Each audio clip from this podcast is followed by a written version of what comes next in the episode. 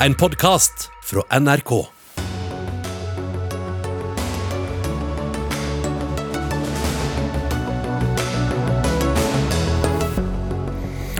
«800 personer pågrepet i internasjonal politiaksjon, åtte av dem i Norge. Kriminelle ble lurt til å bruke krypterte telefoner, som ble overvåket av politiet. Klimautslippene de gikk ned i fjor, men ikke så mye som regjeringen lovet. Nå? Det er eh, grådig urettferdig at eh, foreldre til ungdom over 13 år må betale dyrt for at de skal få spille håndball, mener lokal idrettsleder, og møter håndballpresidenten til debatt. Og kreftpasienter er blant taperne etter at en ordning med offentlig tilleggsfinansiering av milliongaver ble avsluttet. Kreftforeningen møter regjeringen til debatt.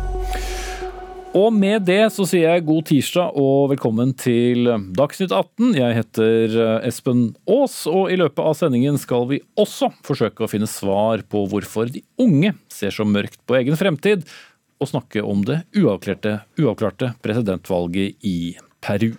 Men vi starter med en sak som stadig er i, under utvikling, der politiet i en internasjonal aksjon klarte å lure kriminelle til å kommunisere seg imellom på såkalte kryptotelefoner. Dermed kunne politiet følge med på hva kriminelle skrev, fra planlagte henrettelser, storimport av narkotika og hvitvasking. 800 er altså så langt pågrepet i den internasjonale organisasjonen, uh, unnskyld, aksjonen, åtte av dem i Norge. Og Kristin Kvigne, Kripos-sjef, 15 land har altså samarbeidet i denne aksjonen hvor eh, de kriminelle nærmest har hatt med dere fra politiet i, i lommen. Altså, kan du fortelle litt om hvordan dette har foregått?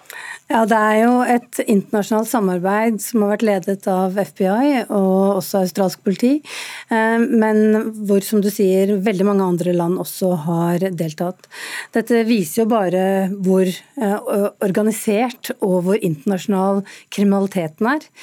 Vi har vært med fra norsk side siden februar og har fått mye god informasjon gjennom denne operasjonen.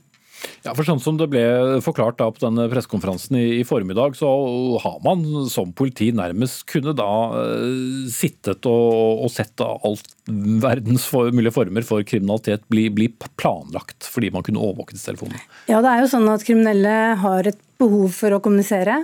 Eh, de har eh, i stor grad brukt krypterte midler, eller eh, kommunikasjonsmidler, altså ting som er kryptert fra ende til ende. Mm. Så, så, som betyr at meldingen på en måte er kode, ja. så man kan ikke lese en vanlig tekstmelding. Det, det, det vil da være Nei. kodet. ja. Og de må være på samme, samme, plattform for at de skal kunne lese hverandres meldinger. Og det er jo sånn de har brukt dette. Og det er klart at vi er nødt til å følge med i den metodeutviklingen. Det har vi klart å gjøre på en god måte tidligere også, men denne eh, operasjonen er jo spesiell fordi den har vært drevet av politiet. Jeg må jo spørre deg, for Vi har hatt noen, noen runder på, på, hva politi kan gjøre og ikke gjøre her, her hjemme. Ville man kunne gjort noe tilsvarende i Norge? Ja, altså Vi har i hvert fall sjekket ut at eh, dette er Det, det har vært prøvet før noe tilsvarende i norske domstoler. Og man har eh, fått eh, godkjent at man har kunnet ta ut denne informasjonen her. Og vi har jo også egne påtalejurister som gjennom hele denne operasjonen har vurdert lovligheten av vår tilgang på disse, denne informasjonen. Mm. Skal vi ta med en person til. Eh, Marie Gaup Mo, du er eh, IT-sikkerhetskonsulent ved det norske IT-sikkerhetsfirmaet Mnemonic. Eh, hvordan reagerte du på, på denne nyheten som du også fikk med deg fra der du er?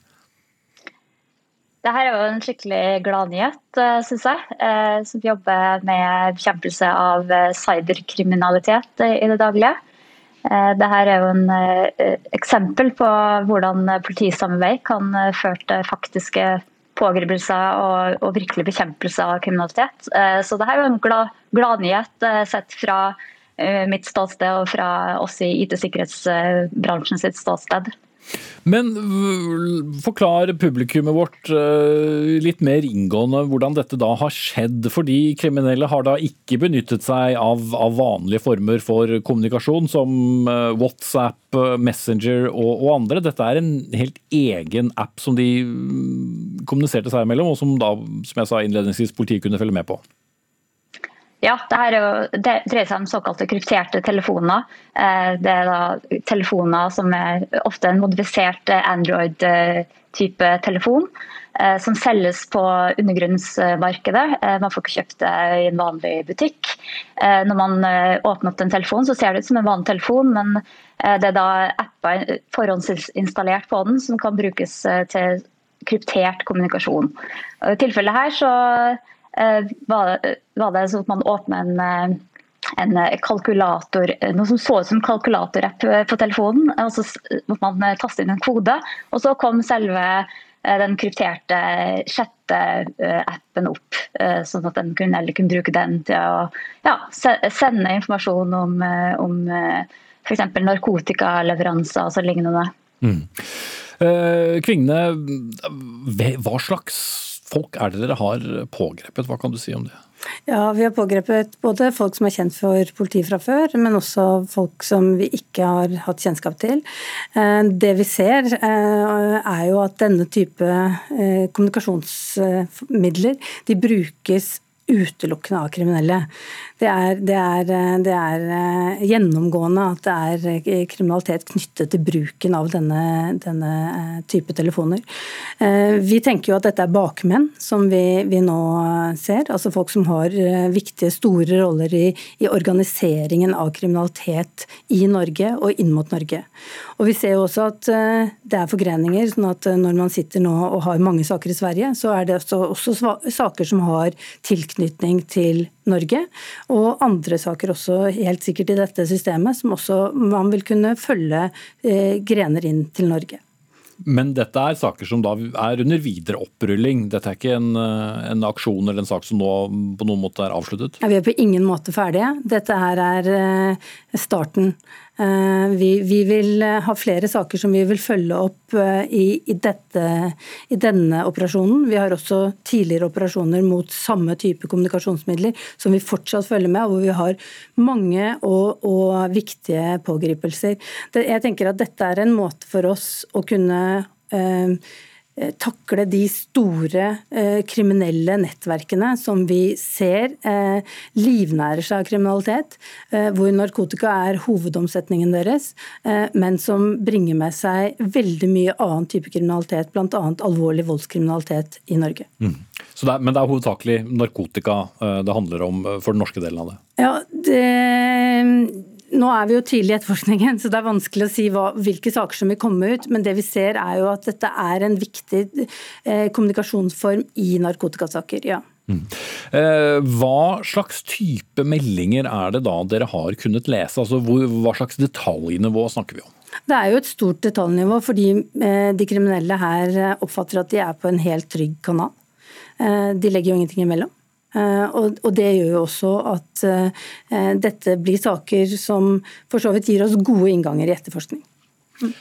Og Det betyr også at så vidt dere vet, så har dette vært all form for kommunikasjon. altså Kriminelle har valgt å holde den til denne plattformen i den overbevisning at uh, her kunne de snakke trygt med hverandre. Ja, De vil nok sikkert bruke andre former for, for plattformer også. Eh, og, og, vi vet jo at det finnes flere typer av, det, av krypterte kommunikasjonsformer. kommunikasjonsformer. så at de har bare vært på denne, det, det tror jeg ikke. Men, men, vi får nå følge med og stadig utvikle våre metoder for også å kunne følge, følge opp og kunne ta de andre metodene deres for kommunikasjon også. Jeg vil tilbake til deg, eh, Mo, som sikkerhetskonsulent sikkerhetskonsulent innenfor eh, IT-feltet. Tidligere så var jo bl.a. WhatsApp også en, en kryptert form for kommunikasjon som mange kriminelle har brukt. Hvorfor har de flyttet seg? Den kriminelle har behov for å kommunisere, som sagt tidligere. Så de vil jo bruke den plattformen som er tilgjengelig til enhver tid. Eh, og vanlige plattformer sånn som WhatsApp, eh, Facebook Messenger kan, kan jo også benyttes til kriminelle formål. Eh, men i tilfellene her så er det jo da etablerte store selskap som står bak appen, og som har også etablert politisamarbeid via formelle kanaler. I motsetning til sånn som i det tilfellet med de krypterte telefonene, hvor det er mer sånn lugubre undergrunnsaktører som, som står bak. Så det at man kan kommunisere kryptert ved en vanlig meldingsapp, som f.eks. WhatsApp, Messenger Signal for den saks skyld, betyr jo ikke at krypteringa i seg selv er skadelig. Eh, eh, kryptering gjør jobben vanskeligere for etterforskere, eh, men det å forby en sikker kommunikasjon for vanlige folk, det er jo det vil jo også skade lovlydige borgere sitt behov for sikkerhet og personvern. Mm. Men litt av poenget med ja. å stille deg det spørsmålet er da, vil nå kriminelle flytte virksomheten igjen? Altså Nå har vi på en måte brent av at dette var en, en form for kommunikasjon som da ble, ble overvåket. Flyttes de da enda lenger unna? Det her vil jo sannsynligvis på kort sikt eh, kanskje føre til at politiet får tilgang til litt eh, mindre informasjon. Eh, men eh, siden de kriminelle fortsatt må bruke tilgjengelige plattformer, eh, så kan det jo være at eh, ja, det her fører til mer usikkerhet da, eh, rundt eh, her krypterte telefonplattformen. Eh, så Det kan jo, kan jo, føre til at det blir mindre populært som en kommunikasjonskanal for kriminelle. Noe som kan være bra for, for etterforskning. Mm. Jeg vil bare avslutte litt med omfanget her. Kvigne, når det gjelder da Norge som ett av, av mange land uh, i, i, denne store aksjonen, har vi lært noe om omfang av uh, kriminalitet i Norge som ikke vi, vi, visste om før? Ja, Vi har fått veldig mye informasjon både i denne saken og i tidligere saker, eh, som gjør at vi får et bedre bilde av hvordan den organiserte kriminaliteten ser ut i Norge dette hadde vi ikke klart uten god internasjonalt samarbeid. Eh, og jeg vil også si at Norsk politi har også eh, bidratt mye inn i dette, og har sørget for at også eh, politiet andre steder i verden har kunnet pågripe alvorlige og farlige kriminelle i sine land. Jeg tror at dette er, blir så det understreker så veldig sterkt dette behovet for, for internasjonalt samarbeid. Eh, hvordan Europol, eh, Interpol og bilateralt samarbeid er helt sentralt for at vi skal kunne komme den eh, alvorlige, organiserte kriminaliteten til livs. Mm. Men, men, eh, det jeg lurte på er, har dere nå fått sett mer av organisert og internasjonal kriminalitet med forgreininger til Norge som ikke vi har sett tidligere? Absolutt. Vi har fått et helt eh, annet og mye bedre blikk på hele kriminelle nettverksorganiseringen i Norge. Mm. Ok, Da sier vi takk til deg, Kristin Kvigne, sjef for Kripos, og med oss på linje Marie Gaupe Mo, IT-sikkerhetskonsulent ved Mnemonic.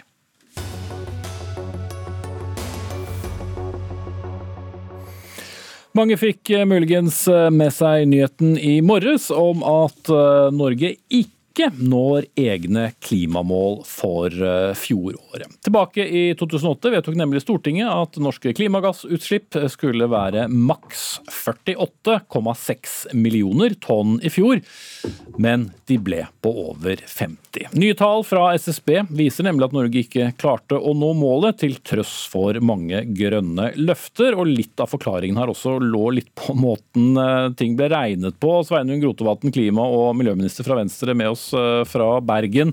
Nå er vi der at det grønne skiftet gjennomføres, det har løsnet, utslippene går ned. Det er nå rett og slett realistisk at vi når klimamålet for 2020, og det uten drahjelp fra koronaviruset, sa du til Aftenposten for et eh, år siden. Hvordan syns du det gikk? Vel, Utslippene har jo også gått mye ned i løpet av det siste året, slik vi trodde og håpte de skulle gjøre. Eh, det vi ikke visste da, det var at utslippene i realiteten var noen prosentpoeng høyere, fordi Statistisk sentralbyrå hadde gjort en feil, som de hadde gjort i åtte år på rad, som gjorde at veien ned rett og slett ble lengre enn det vi trodde. Men utslippsnedgangen som vi har jobba for og håpa på, den har jo skjedd. Vi har fått en utslippsnedgang på 3,2% det siste året. Vi er nå nede på 50 millioner tonn.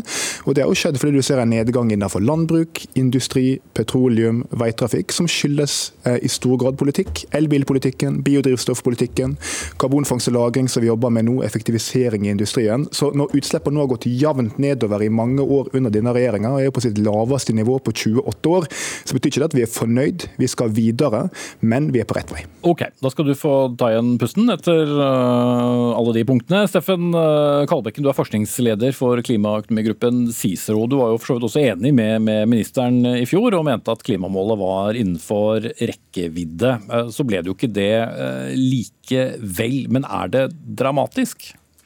Den korreksjonen som er gjort i utslippslandskapet er ganske stor. Den er i samme størrelsesorden som alt vi har kutta fra 1990 til 2020. Det skyldes selvfølgelig, også at vi, altså.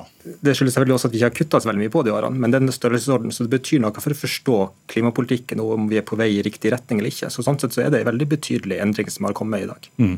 Og, og, 1990 er da et viktig årstall. Der var Kyoto-avtalen som man har tatt utgangspunkt i det. Og så skal vi kutte hvor mye frem til 2030? Frem til 2030 så skal vi nå kutte 50-55% Vi skal forhandle med, og det blir noen avtaler om 55% kutt i Norge. Mm. Men du sa nettopp at vi har på 30 år kuttet 3% Ja. Så da gjenstår det veldig mye? Ja, vi skal gjøre totale utslipp så skal vi gjøre mer sammen med EU per år enn vi har klart på 30 år. Mm. Men det at uh, utregningen da har vært, uh, vært, feil, og det er snakk om ganske mange tonn i forskjell, som du selv uh, påpeker, gjør det det vanskeligere? Er det bare at hele utregningsmodellen da er endret? Ofte er det sånn at man endrer tallene helt tilbake til 1990, og da har det ikke nødvendigvis mye å si. I dette tilfellet så var feilen fra 2012, og det betyr at vi har eh, operert med lavere utslipp enn som var reelt fra 2012 og fram til eh, 2019. Så det gjør jobben tøffere. Det er noen, eh, omtrent 1,4 millioner tonn mer som må kuttes enn det vi egentlig trodde. Så ja, det gjør absolutt veien fram til målet tøffere enn, enn vi hadde trodd helt fram til i dag. Mm. Men eh, tilbake til deg, eh, Rotevatn. Når vi har altså kuttet eh, om lag 3% på, på, på 30 år og skal ned 40% da på de resterende ni årene. Det går vel ikke? Jo, det kan gå, men det er viktig å huske at etter 1990 så øker utslippene ganske mye. Mens de siste åra har det gått ned igjen, eh, med ca. 5 millioner tonn under denne regjeringa. Ca. 10% nedgang. Men vi må jo fortsatt skjerpe klimapolitikken kraftig for å kutte enda mer de neste ti åra. Det er jo hele grunnen til at jeg og regjeringa lager en offensiv klimaplan som viser veien til det målet. Og for å nå det målet så skal vi skjerpe en rekke klimavirkemidler. Vi skal tredoble CO2-avgifter. Vi skal stille en rekke miljøkrav til ferje, busser, biler, båter i åra framover. Vi skal kutte i jordbruket. Vi skal bruke mer avansert biodrivstoff innenfor anlegg innenfor skipsfart. Og med våre beregninger, som vi nå har fått gjennom Stortinget, så viser det at vi vil komme i mål om vi følger regjeringa sin klimaplan. Utslippene går ned nå, de går jevnt nedover, men det må gå enda fortere. og Derfor trenger vi en forsterka politikk framover, og det får vi hvis vi følger klimaplanen til regjeringa. Ok, men Audun Lysbakken, partileder for eh, SV, eh, folk som følger norsk politikk, vet at eh, enten man er i posisjon eller opposisjon, så er man glad i å snakke om åtte år, enten det var deres åtte år eller denne regjeringens åtte år. Men du kaller dette åtte år med mislykket klimapolitikk. Hvorfor det? Altså, nå har vi jo fasit for den borgerlige regjeringen, og det er jo ingen annen måte å si dette på enn at det er klimafiasko. Her er, har vi en regjering som ikke har nådd de målene som uh, disse åtte årene skulle handle om. De arvet et klimaforlik som de ikke har greid å innfri.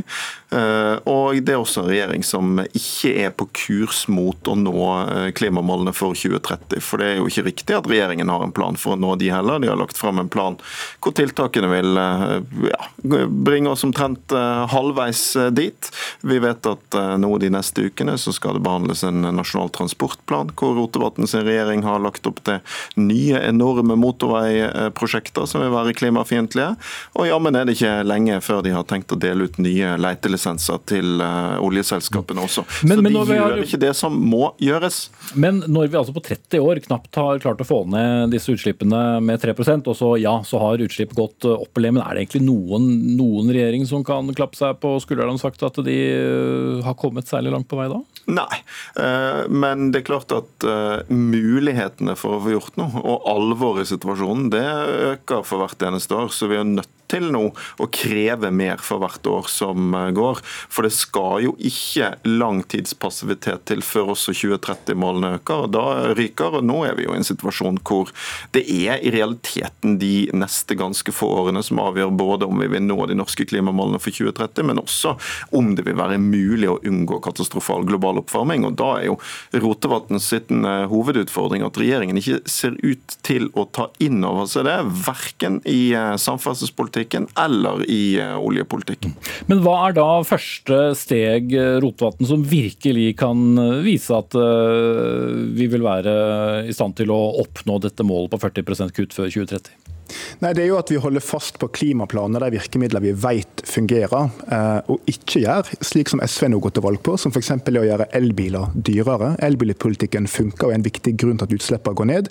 Og ikke gjør sånn som SV foreslår, som er å frita de største utslippskildene i ikke-kvotepliktig sektor for CO2-avgift, nemlig avfallsforbrenning. Det gikk de i spissen for i Stortinget, det bør vi ikke gjøre. Vi må kort sagt følge planen til regjeringa, og gjør vi det, vil utslippene fortsette å gå ned. Og det er klart Vi i Venstre og eh, Lysbakken og SV er jo enige om en del ting i klimapolitikken. Men jeg må jo si at han har jo frekkhetens nådegave når han sitter her og kaller dette for en fiasko. Klimamålet ble satt i 2008. Da styrte SV klimapolitikken. Det gjorde de også de neste fem åra, uten at det skjedde steikestøv med klimagassutslippene. Det gikk vel ned med ca. en million tonn. Nå har vi kutta fem millioner tonn til. Så hvis de hadde gjort noe i nærheten av det vi har gjort, så hadde vi jo nådd 2020-målet med glans.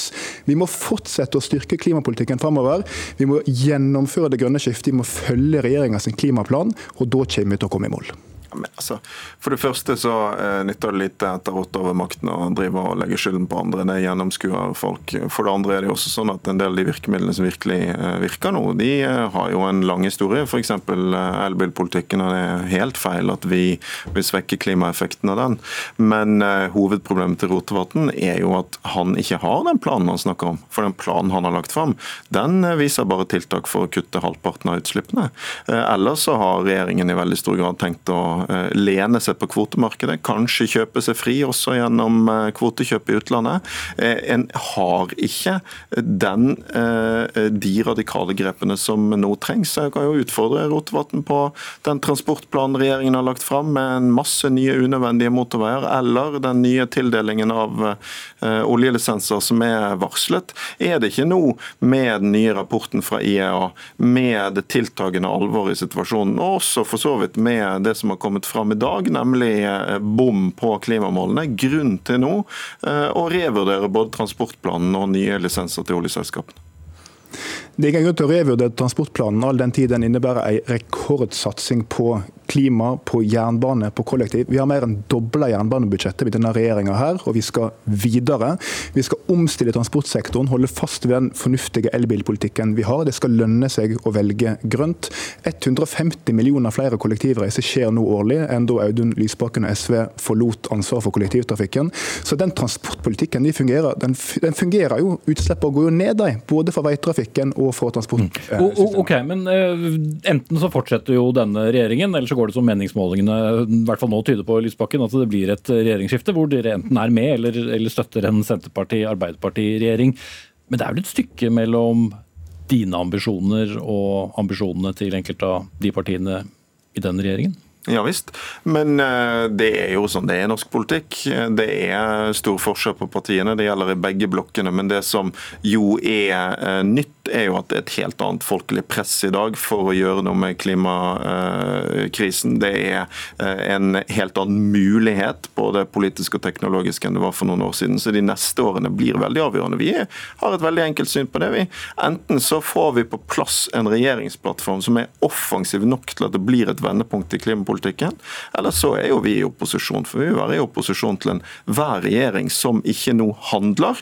Og jeg tenker at uh, Sveinung Rotevatn istedenfor å være så fornøyd etter åtte år, så tror jeg at de som er opptatt av klima nå er ute etter folk som stiller til valg som ikke er fornøyd, som ser at vi må gjøre mye mer, som ser at det må gå fortere, og som ser at både oljepolitikken og transportpolitikken i dag eh, er veldig langt unna den vi trenger, både hvis vi skal nå klimamålene og hvis vi skal sørge for at vi de neste årene får eh, nye grønne oppgaver til norsk industri, som skal bygge havvindmøller for framtiden istedenfor nye oljeplattformer. og Det er kanskje en av de viktigste forskjellene på Rotevatn og, og SV.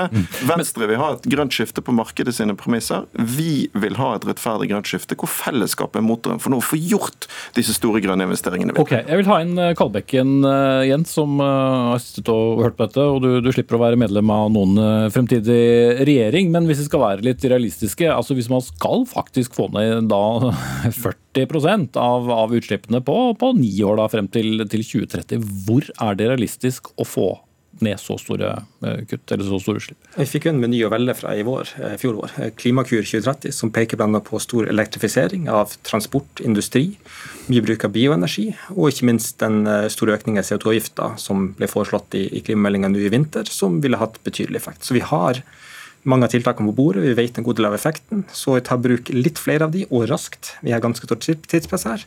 Så vet vi mye av hva som skal til for å nå målet i 2030, men absolutt ikke alt. Mm.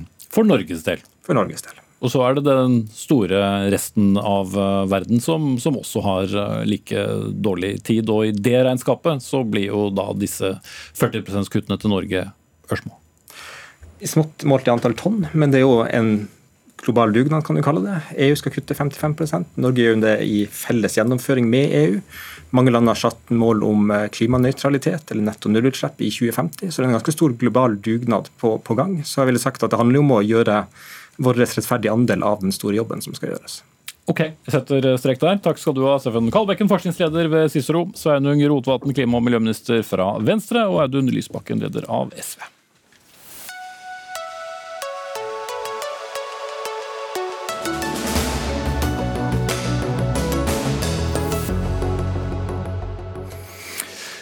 Er snart ved halvveis eh, Dagsnytt 18. Jeg skal bare fortelle at eh, vi senere i sendingen skal diskutere hva som er konsekvensen av at regjeringen har avsluttet ordningen som skulle stimulere private til å gi pengegaver til forskning. Det fikk det noe kompliserte navnet Gaveforsterkningsordningen. Kreftforeningen hevder senere i sendingen at det går utover kreftpasientene, og møter da altså regjeringen til debatt. Men nå skal vi til Sør-Amerika, og vi skal til presidentvalget i Peru, som ble avholdt for to dager siden, og som eh, fortsatt er eh, uavklart og veldig spennende. For det er kun drøyt 80 000 stemmer som skiller de to presidentkandidatene, som begge ligger på rundt 50% oppslutning. Og hvis du syns 80 000 stemmer høres mye ut, Vel, i Peru bor det over 30 millioner mennesker. De to er venstresidens kandidat Pedro Castillo og høyresidens Keiko Fujimori. Og Jimima Garcia Godos, du er professor i samfunnsgeografi ved Universitetet i Oslo, kommer fra Peru. Du har bodd her i Norge i, i 34 år, men har fulgt denne valgopptellingen nesten fra time til time. Hvor står vi hen nå? Ah, vi står fortsatt og teller hver enkelte stemme. Som du sa, riktignok sa, var, er det kun 80 000 eh, stemmer som, ah, som, skiller begge kandidater. Og vi venter fortsatt på um, stemmene fra utlandet. De utgjør ca. 3% av alle stemmeberettigede. Og de, historisk, pleier de å stemme for Keiko Fujimori. Mm. Så vi er jo spent. Ingenting er sagt Alt tyder på det er Castillo som vinner valget, men vi kan ikke være 100% sikre. Nei, som du sier, eh, Fujimori, det har jo vært litt sånn vane. Hva er det som har skjedd? Hvorfor har dette endret seg? Um, ja, for å uh, det, det, må presiseres at dette er andre valgomgang vi mm. snakker om.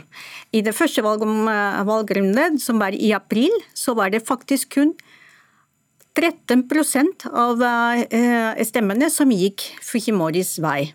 Mens det var 19% av stemmene som gikk for Castillo. Det betyr at to tredjedeler av landet ikke stemte for noen av dem. Så plutselig står de der, mellom to. Et, dette, dette, er et umulig valg. Ja, De skal egentlig velge den kandidaten som de misliker minst? Ja, på spansk heter den mal menor, det minst mulig uh, skade. Den som gjør minst mulig skade. Um, Middelklassen og de folk med mye penger de ser på Castillo som en fare for status quo. De ser for seg en uh, kommunistisk regime à la Venezuela, som er en skrekkscenario. Det er faktisk over en million venezuelanere i Peru, så alle sier se der. Hvis det er kommunisme i Peru, så neste gang er det vi som må migrere ut. Akkurat som de fattige eh, venezuelanerne gjør. Så det er en eh, skrekkscenario, rett og slett. Mm. Og tilsvarende skrekkscenario på andre siden, da? Ja, det er helt riktig. fordi det som har vist seg uh, på vei hit og tenkte var, hvorfor er folk uh, mistet troen på Fujimori? Fordi hun var veldig populær i forrige valg også, og enda tidligere da. Men det er rett og slett for de siste fem år har Peru eh, opplevd en veldig kaotisk, uoversiktlig politisk situasjon nettopp pga. Keiko Fujimoris maktmisbruk i Kongressen. Hun ledet, en, hun ledet en parti som hadde 73 representanter ut av 130 i den peruanske kongressen, som gjør det livet umulig for den daværende president. Og Mhm. det endte med Kunne gjøre som de ville. Ja. Ja. Eh, Men så er det jo litt interessant da med, med eh, dette valget, fordi valgdeltakelsen er jo da på 75% som jo er eh, veldig høyt. eh, Også sett med, med norske øyne, hvor eh, jo velgere er glad i å, å stemme ved valg. Bare kort forklare også Ja. publikummet vårt hvorfor det er slik. Ja, det skal nok sies at i Peru så er valgdeltakelse obligatorisk. Ok, Så hvis du allikevel ikke kan eller vil stemme, så må du betale en bot. Det er ikke så veldig den store summen, men i hvert fall du må betale en pris for det. Uh, men siden det er så mye på, som står på spill, enn den korrupsjonsanklagede Keiko Fujimori, fordi hun har flere, sa- eh, flere anklager på seg, eller kommunismen med eh, Castillo, så selvfølgelig er valgengasjement veldig stort.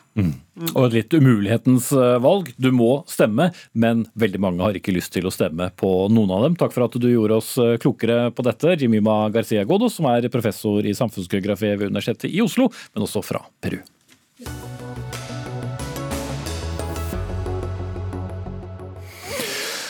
Kan du fatte og begripe hvor de unge har sin pessimisme fra? Det høres vel kanskje aller mest ut som en omskriving av eh, Jens Bjørneboes eh, kjente dikt om ungdommens råskap, men eh, det er faktisk avslutningen på en kommentar i Dagens Næringsliv, ført i pennen av avisens finansredaktør Terje Erikstad.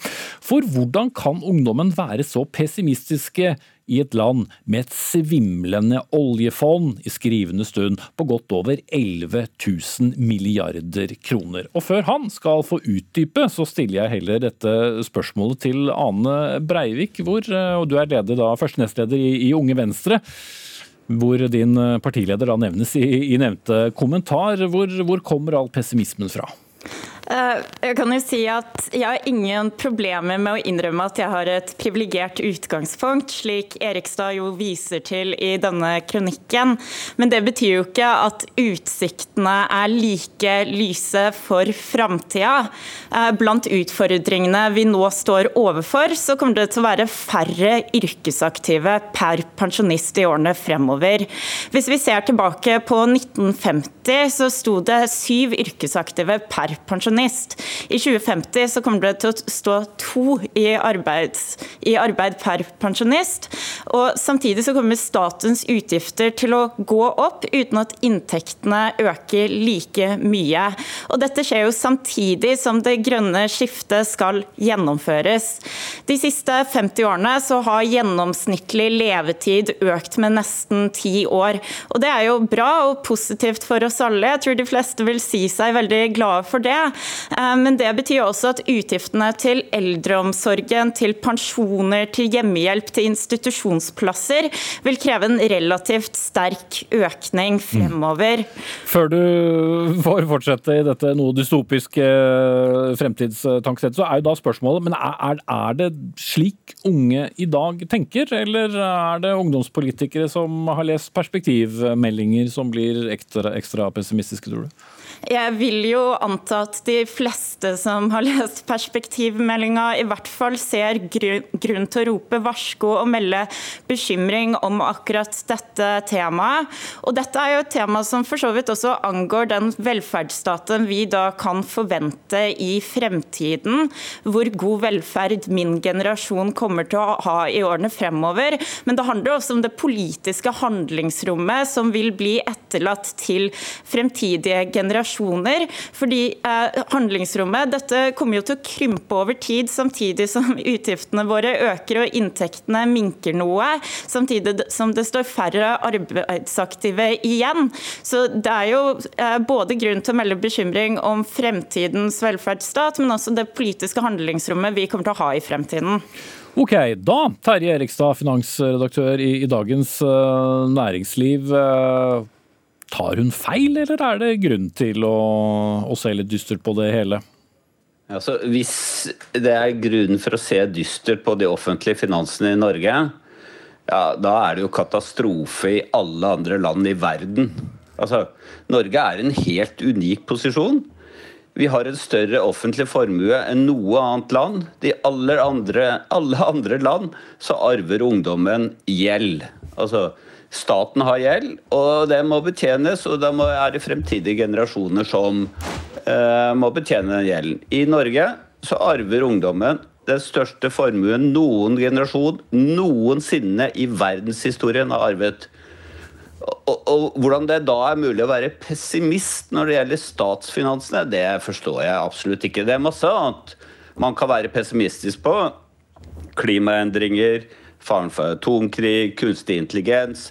Det er masse ungdommer kan si, virkelig være bekymret for. Men norske statsfinanser er ikke noe grunn for det. Men samtidig så har vel både du og jeg og mange lest nettopp disse perspektivmeldingene hvor uh, forskjellige finansministre og statsministre har hatt en dyp fure i pannen og, og vist til uh, det tidspunktet hvor de offentlige utgiftene blir større enn det vi har av uh, inntekter, og vi da må begynne å tære av dette fondet. Så har vi jo selvfølgelig spart det opp for å, å, å møte dette, men samtidig som vi aldri har hatt mer penger på bok, så har vel heller da, som Breivik på poengterer, det har sjelden vært eh, færre yrkesaktive blant hver som ikke jobber. Det er faktisk sånn at hvis vi skulle betalt hele pensjonsregningen nå, så hadde vi hatt penger til overs. Eh, sånn relativt sett, vår netto offentlige eh, finansformue, som er oljefondet, da, relativt til våre pensjonsforpliktelser, har aldri vært bedre Eh, vi har aldri hatt bedre dekning av det nå. Nå sier jeg ikke det at det ikke er noe problem i fremtiden eh, at det blir færre eh, yrkesaktive per pensjonist. Poenget er bare at selv i perspektivmeldingen så snakker man ikke om at det skal gå ned. Man snakker om at det skal øke, men kanskje ikke øke så mye som det har gjort tidligere.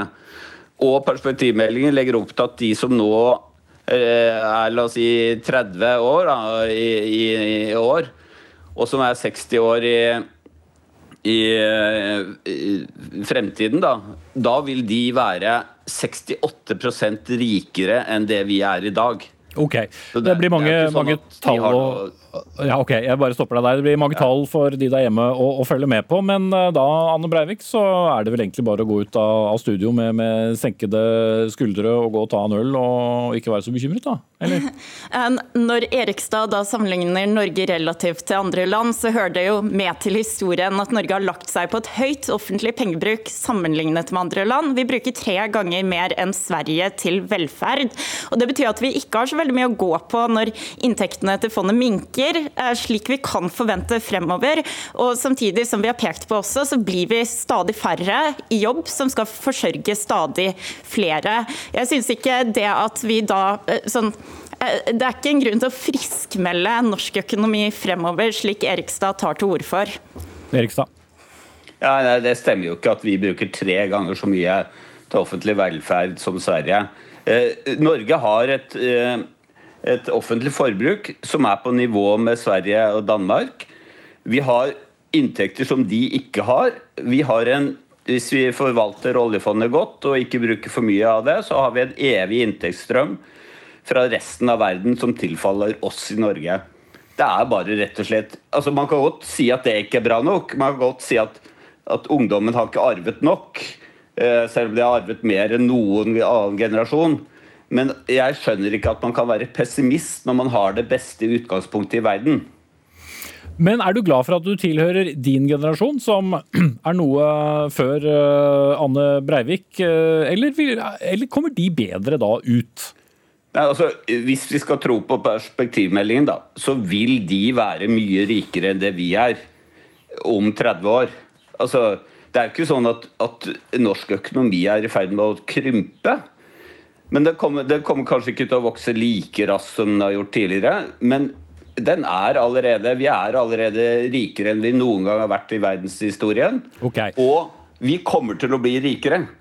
Men Anne Breivik, eh, hvis du da skulle eh, vært mer beroliget, og det tror jeg ikke du nødvendigvis ville hatt Terje Erikstad, hvis jeg forstår deg rett, men hva mangler da din generasjon? Skulle det vært en, en, en slags øremerking av, av, noen av disse pengene til, til deg og din generasjon?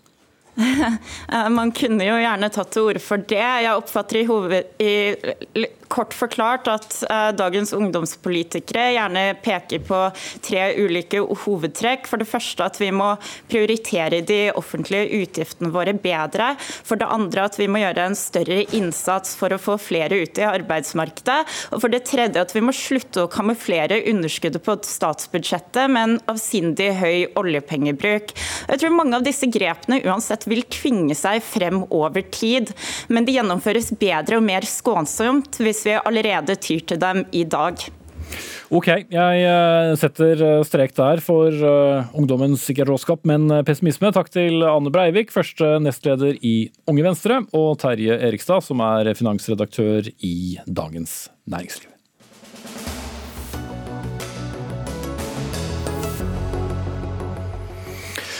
Så til en helt annen arena. For Håndballforbundet får nå kritikk for at uh, ungdom uh, fra 13-årsalderen må betale for å være med i idretten og spille kamper. Foreldre må ut med et uh, beløp fra drøyt 400 opp til nærmere 1300 kroner, alt etter alder og nivå. Pengene fordeles da til forsikring ved skader og til forbundet, kunne vi lese i Aftenposten nylig.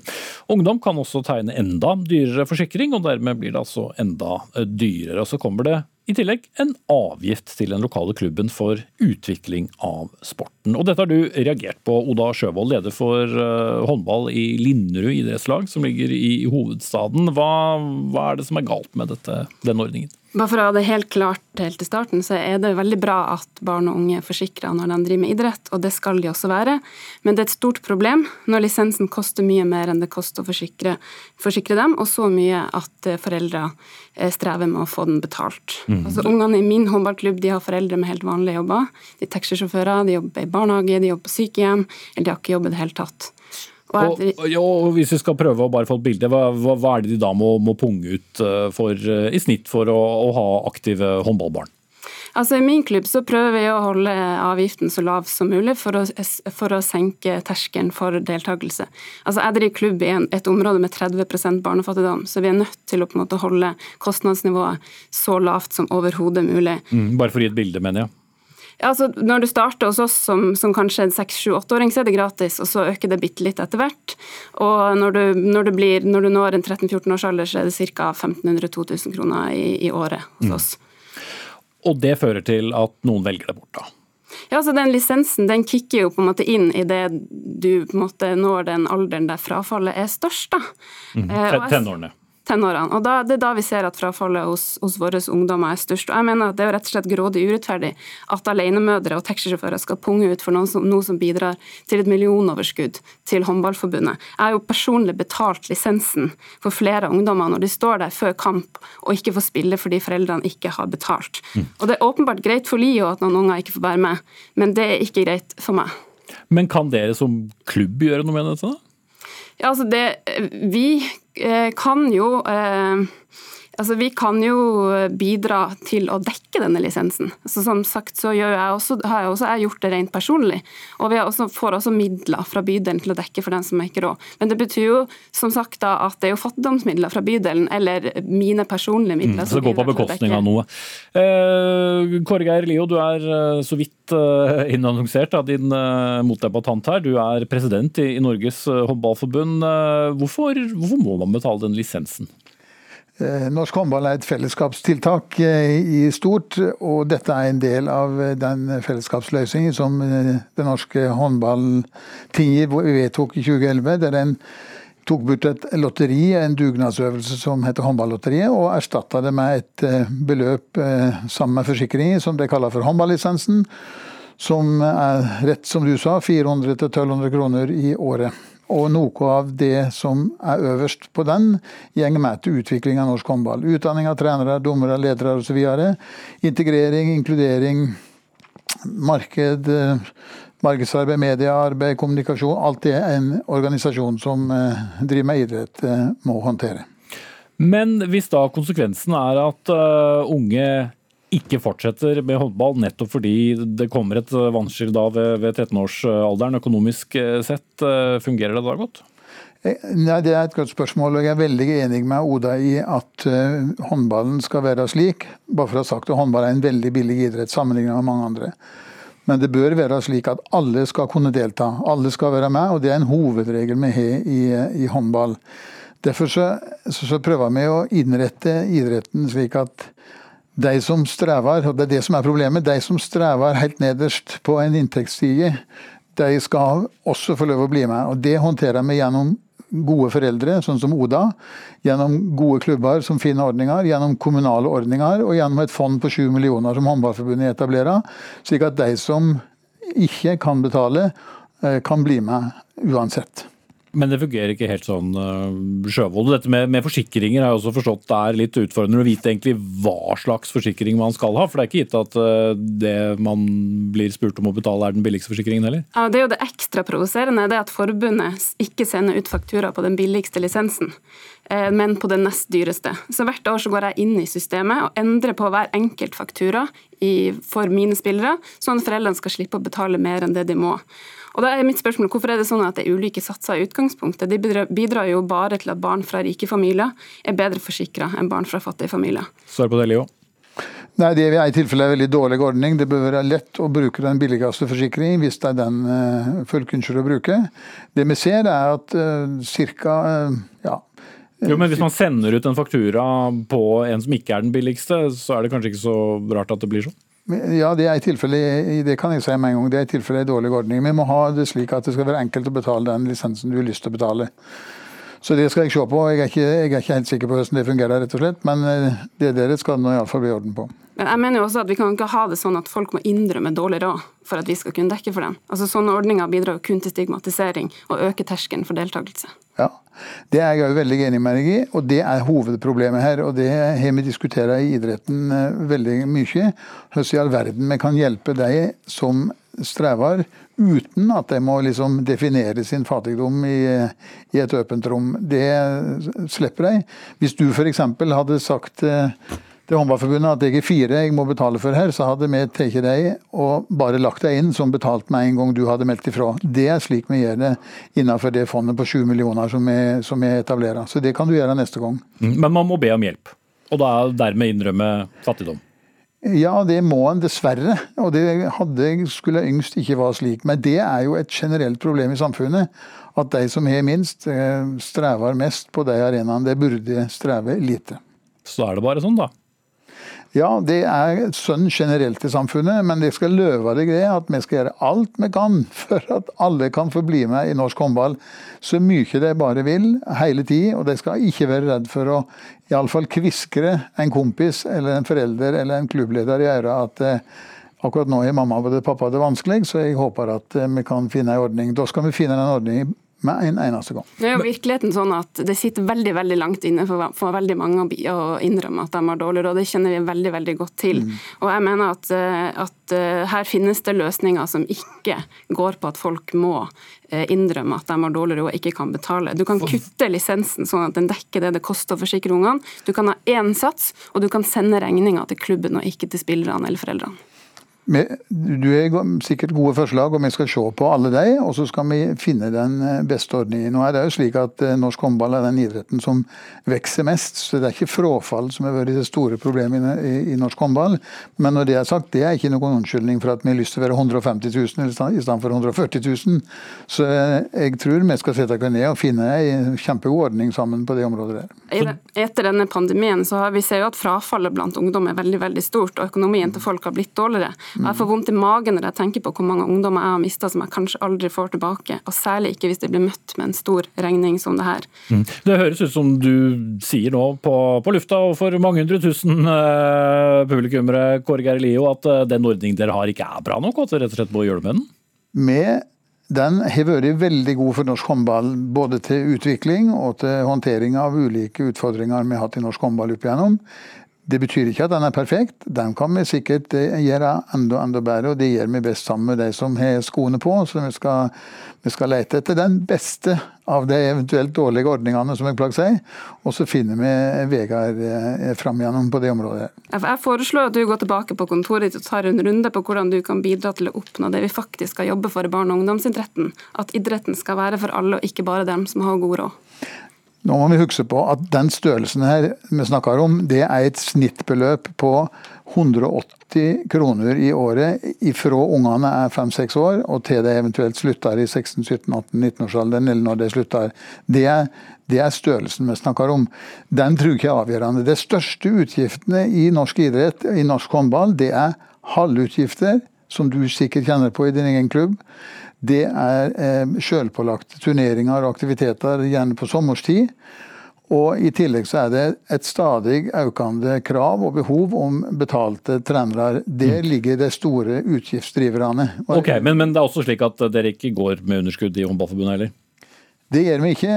Alle gode virksomheter går med eh, overskudd, som gjør at vi kan investere i ny utvikling og ny framtid. Jeg setter uh, strek der, og så får du heller ta med deg et eh, opptak av denne diskusjonen uh, videre. Oda Sjøvold, som altså er leder for håndball i Linderud idrettslag i hovedstaden. Og så hadde vi med oss president Kåre Geir Lio i Norges Håndballforbund.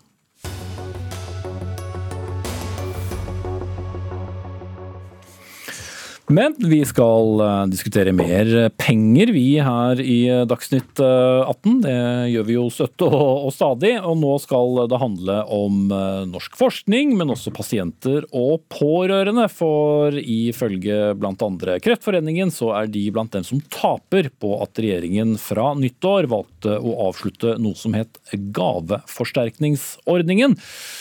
I en kronikk i, eller ved forskningsnettstedet Krono så skrev både Kreftforeningen sammen da med rektoren ved Universitetet i Oslo at eh, dette har fått sine konsekvenser. Og ordningen som i sin tid var utformet slik at private donasjoner på 3 millioner kroner oppover fikk en 25% påslag på toppen av regjeringen.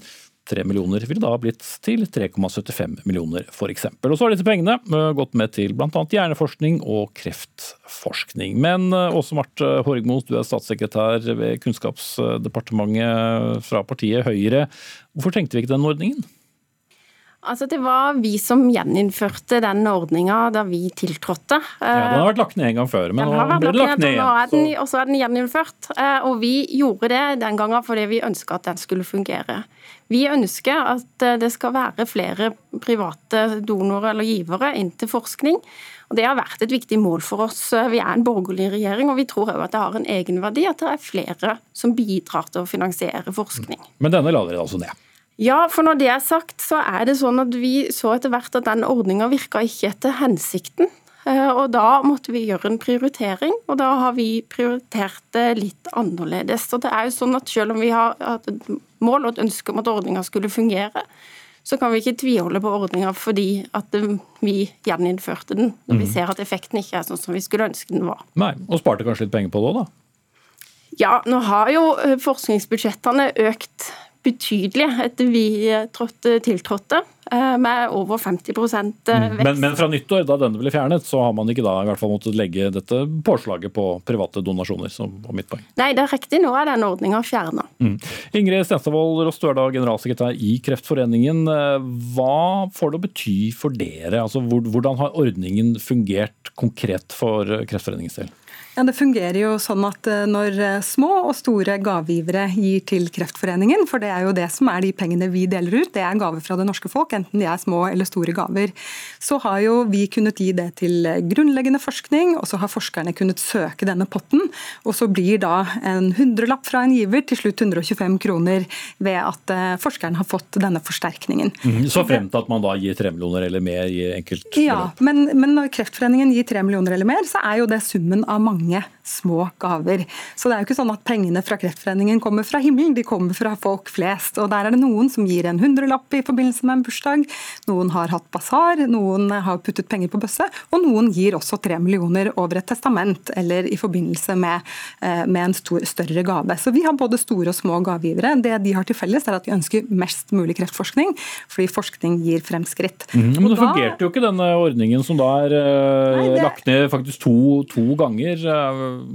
Jeg har vanskelig for å forstå det, da, at det ikke fungerer. For det, det, er klart at eh, det ble jo betydelig mer penger til forskning av at potten var der. Så nå har dere fått mindre? Ja, Vi har ikke fått mindre, men forskerne har fått ja, mindre. Forskerne har fått mindre, for det er, som, det er, det som er poenget her, at dere gir da, vi som du nevnte, penger videre. Riktig, vi gir penger videre, og det gjør at forskerne kan få denne forsterkningen. Så det blir mindre forskning, og det er vi jo absolutt ikke tjent med, noen av oss, for forskning gir fremskritt som igjen redder liv. Så dere vil ikke ha forskning da, Horgmo?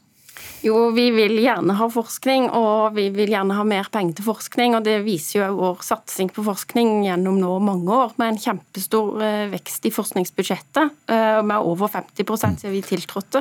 Det gjelder òg på helseforskning, der vi har hatt en oppgang til nå er vi oppe i 6 milliarder, opp 1,8 milliarder. Og Det betyr at det er mer penger til helseforskning enn noensinne. Det er vi jo, veldig glad for. Men ordningen er altså stadig vekk avsluttet nå ved, ved, nyttår, så det har jo ikke noe å si for akkurat det regnestykket du viser til der. Hva er det som fungerte så dårlig, da? For Kreftforeningen ser jo ikke ut til å helt dele oppfatningen til dere i departementet. Nei, og Jeg forstår at det har vært en viktig ordning for, for Kreftforeninga og kreftforskninga, og, og noen andre på, på helsesida. Og men, men, vi må altså se på hvordan den har virka i det store og det hele. Det vi har sett nå, det er at det er noen store givere, bl.a. Kreftforeninga, som går igjen. Det er jo Equinor og Og KG Jepsen, som KG også Jepsen. donerer penger, ja. ja. Som er de tre store. Men har de, da, har de da gitt mindre penger, eller har de gitt sånn som dere da har lagt disse 25 prosentene på toppen? Eller hva er det som gikk galt? Hva er det dere så da i den evalueringen dere har hatt? Altså nå er jo ikke dette, eh, Ordninga har ikke vært evaluert, men det vi har sett det er jo at det, det har vært noen få uh, store givere, og det har vært bra. Men vi har ønska å få flere givere. At det skulle stimulere til at flere begynte å gi til forskning. For vi tror at det er, er viktig. Mm, så men, at det er disse tre, Kreftforeningen, Equinor, Telle Statoil og, og KG Epsen, det er et problem i seg selv? At ikke det ble større? Ja, altså vi er jo veldig glad for at de har gitt penger. Jeg tror jo at f.eks. Equinor vil fortsette å gi penger til forskning, uh, uavhengig av den ordninga. Men vi ønsker å stimulere til flere. Og, og, det ønsker vi fremdeles. og Det er jo ikke bare denne ordninga. Vi har òg SkatteFUNN-ordning som stimulerer til at næringslivet kan bruke mer penger på forskning. Så vi ønsker å jobbe videre òg med den, den problemstillinga. Men, men istedenfor å endre den, så la dere ned. Og, men kunne man se for seg at eh, det ble en bedre ordning enn den som var der? Ja, det tror jeg absolutt. Jeg, jeg tror jo kanskje at regjeringen ikke tok inn over seg at bak Kreftforeningen så er det ikke på en måte én giver, det er mange givere. Eh, så det er jo pengene kanaliseres på en måte via oss, fordi vi har gode systemer for å forvalte de pengene til det beste for, for kreftforskningen. Eh, og, og, så er det klart at vi kunne helt sikkert gjort ordningen mer kjent. Vi kunne helt sikkert brukt den enda mer aktivt, men det fikk vi jo ikke sjansen til, for ordningen ble jo ikke evaluert, og vi ble aldri spurt. Og Det jeg vet, fordi jeg er i kontakt med mange private givere, det er at de bryr seg om disse insentivordningene. De spør om skattefradrag. Hvis jeg gir 1000 kroner til Kreftforeningen, får jeg da skattefradrag, for da kan jeg gi 1200 isteden. Ja, det kan du, sier vi da. Insentivordninger virker, og folk gir mer når de skjønner at eh, gaven forsterkes på denne måten. Så jeg skulle jo ønske vi hadde snakket sammen, evaluert og, og kanskje justert, før vi rett og slett la ned. Det må jeg si. Ja, Hvorfor skjer ikke det? Altså, Vi vil gjerne snakke sammen om å finne gode ordninger, for det tror jeg er veldig viktig. Altså, Den intensjonen den deler vi, og vi har jo en tilsvarende ordning litt for, kulturfeltet som har virka litt annerledes. men, men vi, uh, så vi ønsker jo gjerne å ha dialog og finne gode løsninger, men det problemet er at vi har ikke funnet den gode løsninga ennå. Mm, men dere la det jo ned før dere evaluerte, da?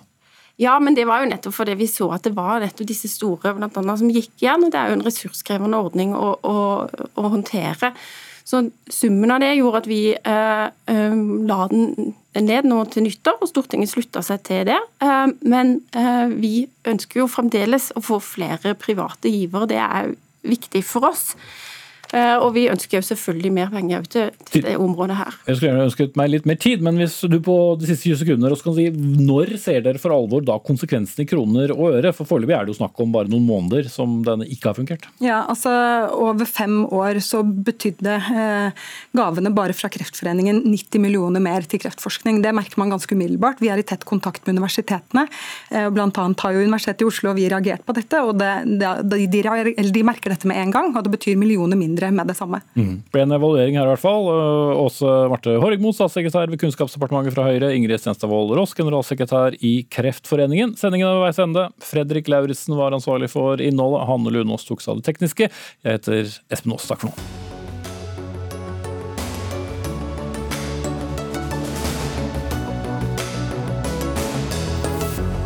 Du har hørt en podkast fra NRK. Hør flere podkaster og din favorittkanal i appen NRK Radio.